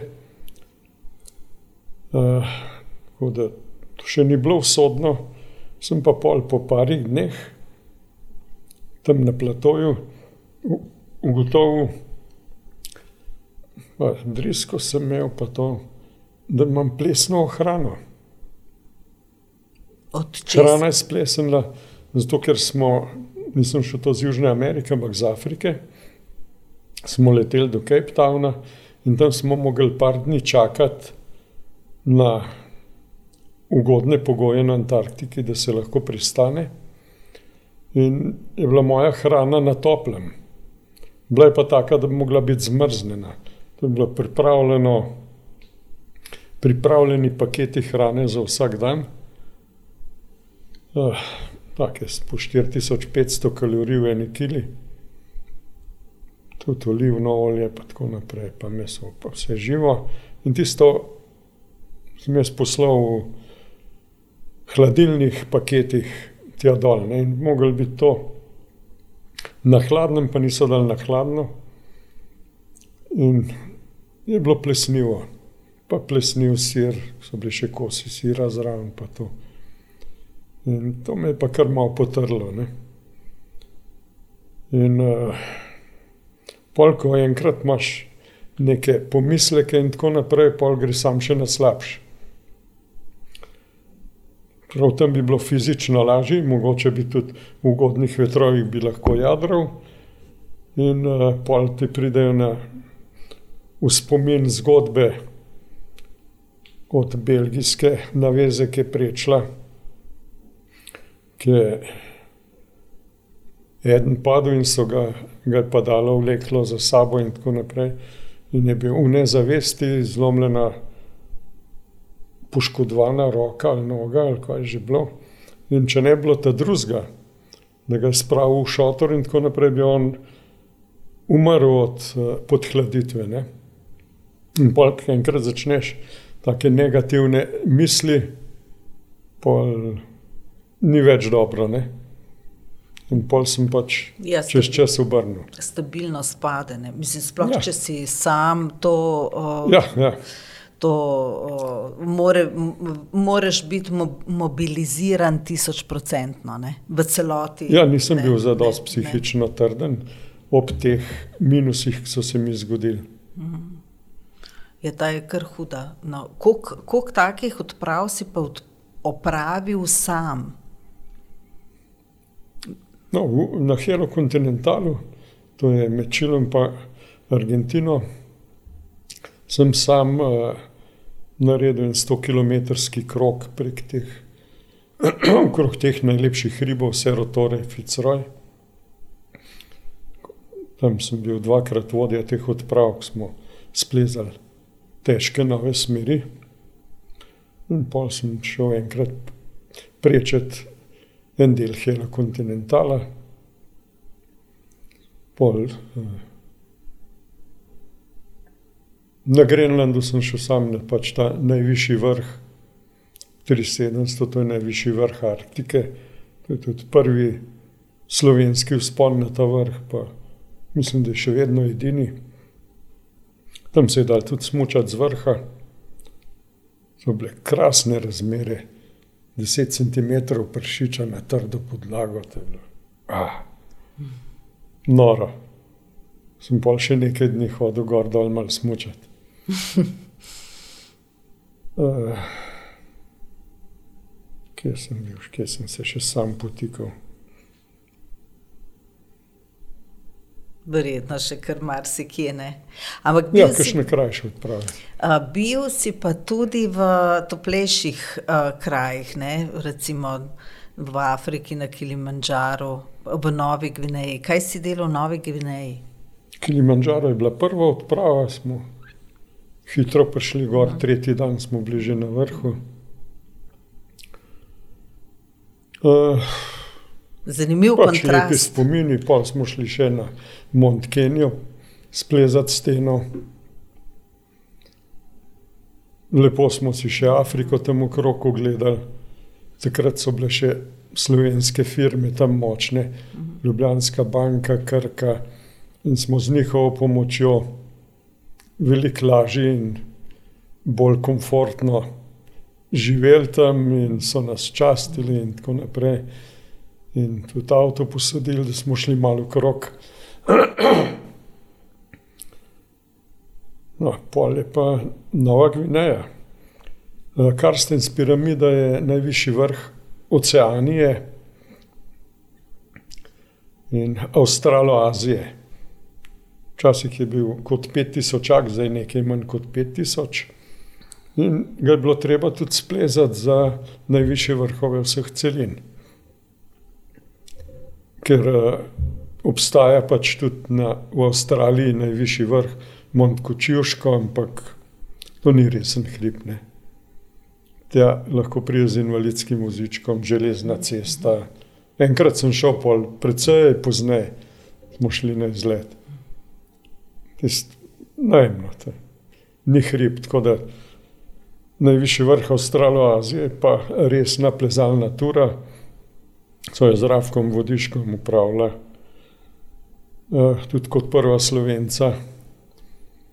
Tam se skozi skoz džungle gre z domačini, z nosači, enajst nosačev so imela, mislim, da pet dni do hriba. In uh, ta del Nove Gvineje, Irjan, so Indonezijci okupirali, mislim, da 65. Prej je bil to nizozemska kolonija in nizozemci so pač z domačini lepo delali, pač pokrajino jasno so izčrpali, pa so lepo delali z njimi. Indonezijci pa ne. No, tle v bližini najvišjega vrha je tudi drugi največji rudnik, odprti kop. Uh, zlata pa bakra. In ta je v ameriško-indonezijski lasti in tam ne pustijo nobene odprave tja jed. Do tam je cesta in od tam je en dan do hriba. Pak ne pustijo odprav tam čez hoditi. Da ne bi kakšen cekin zlet uh, Kaj pa vem? Popasel. Ne vidim resnega razloga, ampak tako pač je. Mm pri ameriških odločitvah velikrat ne vidim smisla. No, in uh, takrat smo imeli enajst nosačev, se mi zdi, in za vse je bilo treba tudi hrano, so hrano kupili in so tudi tisto nosili. In sem drugi, tretji dan videl, da so vreče zaklenjene. Vodja tega pohoda je bil pa proindonezijski domačin sicer in tisti je bil kuhar in vodja. Imeli smo pa še vodiča, ta je bil pa sploh indonezic, en mlajši fant, alpinist, še tri prijatelje imel s sabo, tudi alpiniste, ki so za Himalajo trenirali, ampak fizično niso bili glih dorasli. Da tudi na poti, ki smo mi dva z domačini naprej hodila, se nam je zgodilo, da ni bilo robe za nama. So vsi ostali bili en dan vzad upehani in z jeziki total. Ni jih bilo, in je bilo mrzko pes po noči, smo ogen kurili, pa, pa je nekako šlo. No, in eh, ko sem videl, da ta Indonezic ne daje hrane domačinom, sem enostavno pobral ključe, vso hrano razdelil domačinom in s tem sem si nakopal jezo od unga, ki je šparal za sebe in pol nam je slabo kuhal. In peti dan se ustavimo ob 12. ki je rekel, tle bo pa tabor. Zgledam okrog tiste stene, gledam svojo sliko, stene, zemljevid, pravim, tole še ni, mater, še ena dolina naprej. In pol rečem mu, ne, tole ni, gremo naprej, 12 je šele ura, ne. In, in trmast kot bik. Pa, pa jaz grem, poberem tisto upremo, ki rabo, dam na kup, pa domačinom pravim, skretnami, ne. nismo znali besede, ne oni po naše, ne mi po njihov. Kdo gre? En za drugim so prišli v vrsto, prijeli tisti in smo leteli, ker sem bil besen, koris, so letela, ki zmešana, če bilo že 4000 metrov visok. In smo prišli v eni uri, ki je bil bazen tabor za to steno. In ta tip, ta negativc, on je ja, odšel. Ne, ne, tam so počakali. Aha, to pa je bilo tako. Šotor, šotor postavlja z domačini, malo poklepetala našega vodiča. Ni bilo, je prišel pozen zvečer za nami in je hotel, da je on naj pele drug dan v steno. Mi dva. Sem šel že zvečer pogledat, kje je vstop, smo zjutraj, ki miške potiham odšla, še v močni temi z baterijami iz tabora in sama zlezla tisto steno v petih urah. Deset pa petnajst do povdne so bila nazaj z vrha, pet ur gor in dol. In uh, nosači so sam gledali, kako so hitro. Tudi prejšnji dan, tam smo tako leteli, so pol začeli za mišice šlatati, kaj je to zdaj s tem norci. No, in pol naslednji dan so šli pa naš vodič, pa Indonezici, plezati 17 ur. So plezali tisto, kar smo mi do petih ur gordo. Sem to tudi malček. Pa dež je šel pol. Vsak dan je po 11 uri začel dež, ne? in mi smo vsi to vedeli. Ni to malo tesnobno biti pospešila. Uh, z ekipo uh, na takih lokacijah, ki ne moreš zaupati? Uh, ja, tam je bilo tako. Sam to je verjetno bila taka, je tudi bolj izjemna izkušnja. Ne? Ni jih pogosto, da bi bile tako nezanesljive ekipe. Da, ker to je. Da, ja, njim je bilo življenju. treba plačati in tako naprej indonezijskim organizatorjem. Ne? In oni so tam pač okupatorji in se do domačinov tako obnašajo. Prej je bilo, ne vem, deset let je bilo zaprto področje, ki tam obstaja osvobodilni boj, osvobodilno gibanje. Ne? In se ni dal prideti tja, ker so pač streljali domačine. Domačini imajo pa kopja, pa puščice. Ne? So jih terorizirali. Kako pa potem na teh poteh, recimo tako kot je tale iz uh, Nove Gvineje, ob tem, da si na odpravi, da imaš uh, cilj, torej preplezati uh, karkoli že pač, ne, osvojiti hrib, ne, zraven še fotografiraš, zato ker pač je fotografija tudi uh, drugi del tvoje življenjske zgodbe, nit, ki jo vlečeš pač od nekdaj. Ne. Ja. Uh, kako je s temi podvigi, koliko temu lahko potem posvečaš uh, še pozornost? No, tle, če skončam še tiste od Nove Gvineje. Uh, je bilo neprijetno zaradi tega vodiča in vod, vodje poti, vodje nosačev. In na koncu je bilo tudi tako, ne, da je bil naš vodič en dan za nami. Mi smo se utaborili v dežju, ogen kurili in on je videl, da se ogen pa ni upal blizu prideti, ker ni vedel, ali so domačini sami, ali smo to mi, ali so kakšni drugi, ker eh, domačini kakšnega indonezica pospravijo. Ne? Ga enostavno ni več z tistih predelov, z džungle ali pa s hribov. In uh, smo sami hodili. In smo tudi en dan prepozno prišli uh, na letališče.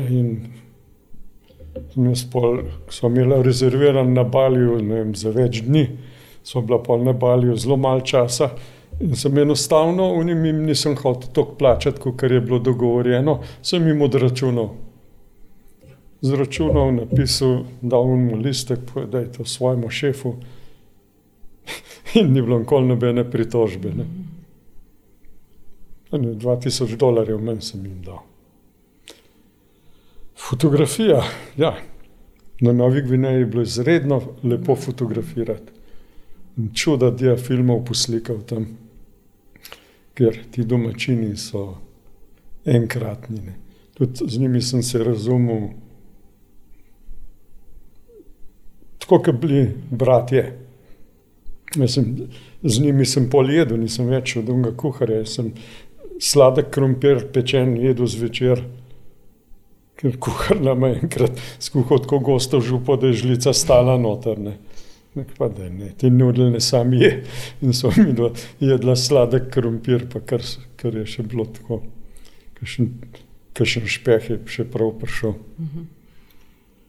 In tam je bilo za fotografirati izredno. Sva kaj prišla, je bil tudi sejem in sva tri ure na sejmu hodila med njimi, slikala in tako naprej.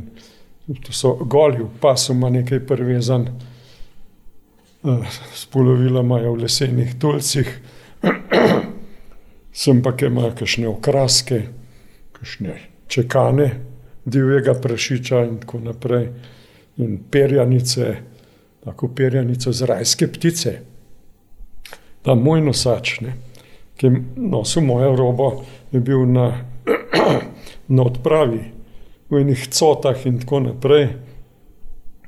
In jaz sem ga hotel porabiti za slikati za Unijo, Unijo je bil sponzor tudi, da bi ga s pivom slikal. In sva se zmenila na odpravi, da se bo oblekel po njegovo in da ga bom lahko slikal. In smo kaj prišli nazaj na konec tisto izhodišče do letališča, je on zginil. Nisem vedel, ga še videl ali ne. Čez tri ure je prišel svoje vasi, kot poglavar, rajsk, rajska ptica, perjanica, tlemo tako le. Tak, dedec, mišičast. No, prav to nisi videl v tistih cotah. Ne. In sem ga slikal. Ne. S pivom, unijonski. Z unijem pivom, ki so poslikali, pa preleto en njihov domačin, lump, vzel pivo, zika je že odprl in začel piti. Mater. Me presenetil. In za unga lumpa so rekli tudi, da je ne dve leti nazaj še enega pojedel. Aha. In so imeli včasih običaj, da so koga pojedli za praznovanje. Kako si se pa pol z njimi sporazumeval, razen uh, Samo z njimi, ko ja. A pa je bil tako spoštljiv odnos, ali, Zelo. ali je bil zadržan? Zelo prijateljski smo bili z unimi.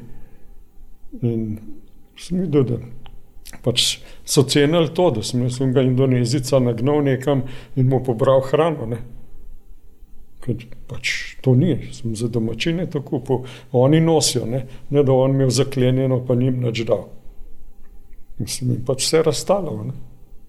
In ta gesta In so- spoštovanja jih je pač odprla. Ne? Ja, z unim pač nisem več govoril, sam z vodičem še, kar je bilo treba, pa tudi on je običajno hodil daleč zadaj, ni bil dorasel zadevi. In To bi bilo sem z domačini pač doživljal to odpravo in je bilo fajn. To bi bilo prečudovit uh, prelistati v kakšni monografiji z zgodbami, ki bi jo opremljale. Si kaj v to smer mislil kdaj? No, ta zgodba z Nove Gvineje je v knjigi, Aha, v ledenih sanjah. aha. Ja, ja. Drugače sem razmišljal kakšni knjižci, največji otoki na svetu. Nova Gvineja, Grenland, Madagaskar, pa še kakšen Borneo, pa tako naprej. Najvišji vrhovi teh, uh, teh otokov. Ne. To imam material, ampak ne vem, če se bom kdaj spravil to početi. Stane um, proti koncu, greva počasi. Ja, verjetno. Uh, lahko pa Kako še. hiter minil. Govoriva ja. verjetno več kot uro pa res, pol. ja. Ne? No, bravo. Uh, ampak zanima me, um, seveda je to tako težko, kot če bi mamo vprašal, kje je njen najljubši otrok. ne. Ampak Ja. ja. gotov. Um, Gotovo so na potovanjih neka okolja, ki so človeku bližje kot neka druga. Skratka, uh, so pač kakšne odprave, ki so ti bile zaradi katerih koli razlogov ljubše. Skratka, kera odprava ti je bila najbolj dragocena, ali pa ti je najdražja, ali pa ti je najglobje ostala v spominu. Če je seveda lahko to sploh odbrati, ampak um, Mogoče se mi je najbolj priljubila Južna Amerika. v Argentini sem bil nekaj desetkrat, v Čilu nekaj devetkrat. In so velike države in imajo vse od puščave do, do ledenikov, do hribov 7000 skoraj in teh čudovitih patagonskih gora, ognjena zemlja, polno lepih koncev, polno jezer, polno vsega. Konje, jahaš tam, vse sorte lahko počneš. Sem precejkrat vodil trekkinge potem v Patagonijo, pa tudi v Čile, Peru, Bolivija, Čile. Ne. So take čudovite izkušnje. Sem pa, ker so pač tudi kakšne negativne, ki te hočejo v Limi oropati, pa tako naprej. Ne. Pa se obraniš s pištolo na mene, sem mu vzel pištolo, pa je bilo vse v redu. Pol. Edini policaji niso verjeli, da sem fotograf, so rekli, ti si policaj. Sem jim dal pištolo. In so rekli, da je lahko moja, da lahko ne sem dam. Sem prvi, ki mi je pištolo vzel. Sem, kako pa šel skozi letališče? Hm? Ja, ja, imajo čist uh, druge, Ja, druge, je drug svet, ja. Čist drug svet, druge No, vse, sorte, vse sorte doživetja. Pa Južna Amerika je res zelo, zelo lepa. Pa tudi hrana je v redu, tam ni kašnih uh, trebušnih problemov, pa drisk, pa tega, kot je v Aziji bilo velikrat. In imam pozit, polno lepih spominov. Kolikor si pa uh, tako zares zrl smrti v oči? Tako zares, da notranje, da si se recimo že, kako bi rekel, ko človek zares uh, gleda smrti v oči, se v njemu zgodijo tako nekako um, ta notranji razmislek skozi življenje, ne, nekako uh, poslovi se. Recimo, ko sem jaz to doživela, je to bila taka, uh, tako globoka izkušnja ali pa preizkušnja, da bi lahko življenje uvrstila pred to izkušnjo, pa po njej. Tako močno se zareže v človeka, tako da uh, ti si imel teh izzivov še več. Ja. Nasplošno pravimo, da brez sreče ne bi nobenega od nas več bilo. In to je sigurno parkrat bilo, da je bila sreča, sreča, da je bila prava odločitev. Je... Pač si imel srečo, da se ti nekaj zgodilo, ki je bilo nevarno. E, Samo enkrat je bilo tako, da sem pomislil, da to je pa to, to je pa tisti konc. Letiš, pa se ne ustaviš, pa se nekaj razbiješ. Ampak sem se ustavil, ne, pa ni bilo nič hudega. Odkot si let, mislim, k- Po, snež, po snežišču. Ampak se ustaviš, možno bi bilo pa tudi dal leteti. ne. odneslo te je. ali pa preleteti kakšno skalo. pa to. Eh, Zdrsov je bilo pač več v vsej tej karieri. Ne. Ampak ali se ustaviš, ali se pa ne. No, Se pravi, srečo imamo še naprej, da bomo preživeli še kakšno desetletje lepih dogodivščin. Ja, a imaš v načrtu zdaj še kakšne podvige, tako v, v, v bližnji prihodnosti, kakšne naslednje? Uh, N- Ne vem, če temu lahko rečem podvige. Rad bi šel še kam mal poplezati, kakšen trekking, zdaj smo plezali v Provanci. Rad bi šel na Grenland narediti še kakšen trekking ali pa dva. In Zdaj so prijatelji, so gor, imajo hišo iz Islanda, prijatelji. Imajo na Grenlandu hišo, so zdaj tam. In ko bojo nehali utrujati s tem COVID-om, pa s cepljenjem, pa s tem, bom šel takoj tja. Lani sem bil že namenjen, ampak se nisem cepil in zato, da bi šel na Grenland, se pa tudi nisem hotel. mm, je potem malo seveda zahtevnejše ne, za prem- premik pa odpotovati. Ja, pač kamorkoli zbereš je. tiste lokacije, kodr ne težijo. Mm. Tudi teh je nekaj skozi. Ampak verjetno imaš zdaj prijatelje po celem svetu, ne? pač znance, no, prijel, Ja, uh, od vseh teh odprav in srečevanj. In, uh, gojiš vse te, mislim, ne samo ti, ampak vi med sabo. To se mi zdi tako, kot da je tako interesna skupina na pol. Ne? Delite kakšne izkušnje, informacije, podatke, nasvete. Če se srečamo, nam je fajn, takrat ja, drugače pa da bi skozi kontakte vzdrževali, v bistvu ni možno, je tega preveč. Ker kamorkoli grem, tudi zdaj, ko sem šel iz Francije, pa to ma, na vsakih 100 km je kakšen, ki ga poznam, ki imam dobro izkušnjo z njim ali pa ki je on meni zelo hvaležen. En, recimo, ko sem ga na ramenih nosil čez en ledenik, ki se je poškodoval pod serotorem. Skratka, rešil življenje. Tako, Olajšal zelo. Uh, ampak enostavno ni časa, da bi vse to, te odnose gojil, kar je pač po drugi strani pa škoda. Cimo, sem bil na zadnje na Madagaskarju, sem ugotovil, da je eden od mojih znancev z Patagonije, ki je bil tudi pri meni, so šla na turen smog tam na, na Komno, da ima tam eno šolo na Madagaskarju. In sem šel v tisti tabor, pa ga ni bilo takrat tam. Šolo česa, šolo? Šolo alpinizma.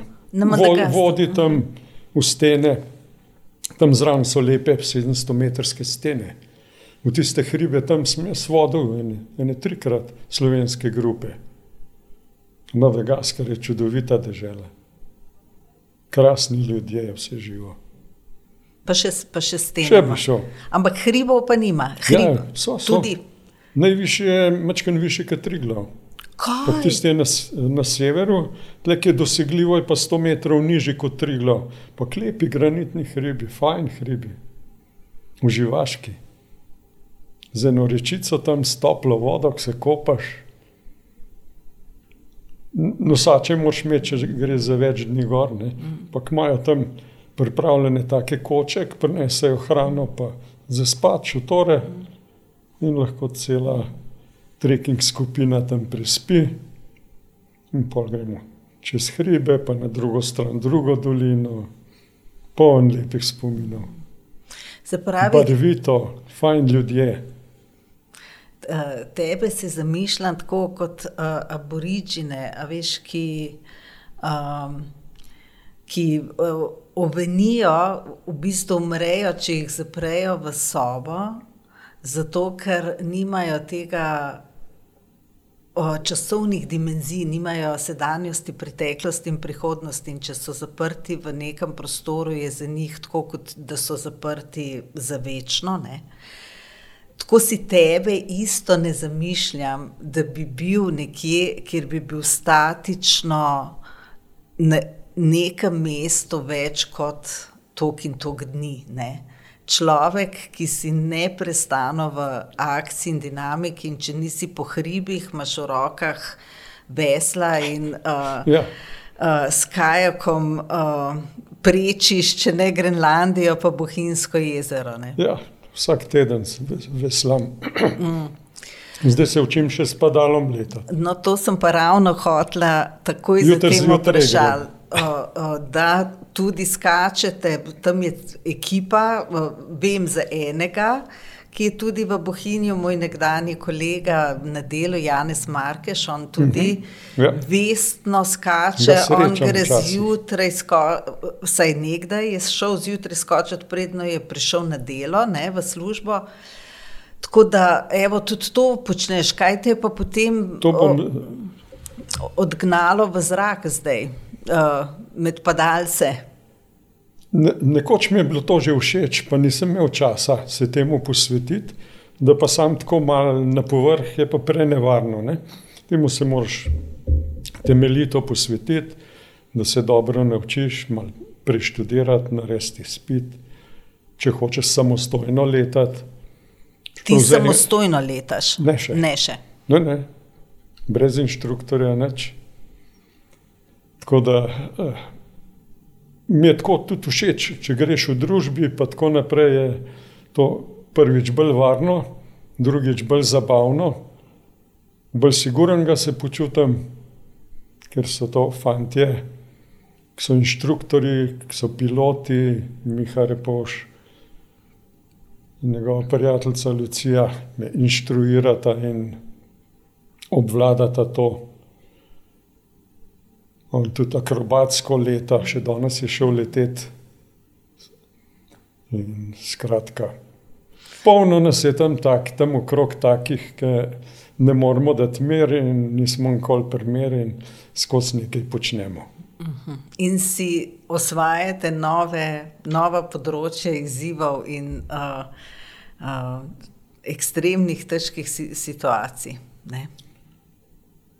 Ne, bolj breko športnih, niso ekstremne zabave. Nam se zdi fajn. Super. Se pravi, želimo ti stane potem še čim več teh tvojih hribov za usvajanje, uh, zanimivih voda za kajakašenje, uh, uh, lepega vremena za padalske podvige. In ogromno zanimivih pejzažev in stikov z ljudmi za odlične fotografije in uh, uh, moči, fizične in psihične, za vsa ta osvajanja. Hvala za lepe želje, to je to, kar rabim. Tebe pa vabim, da se mi kdaj pridružiš ali na vod, ali pa da greš plezati to, kar še nisi počela. Imamo tam take stvari, ki se da, bi se dal, take stence. Uh, z veseljem grem, uh, uh, kako bi rekla, raziskovati svoje omejitve. Ne, z veseljem se odzovem za, za karkoli, kar bi bila, seveda, sposobna sploh izvesti. Kakšen teh... lep, skrit, slab pogled. Uh, hvala, držim za besedo, odzovem se. Drži, me bo veselilo. Hvala, Stane, za ta obisk in za vse zgodbe, ki si jih z nami podelil. Tako da srečno. Hvala, srečno.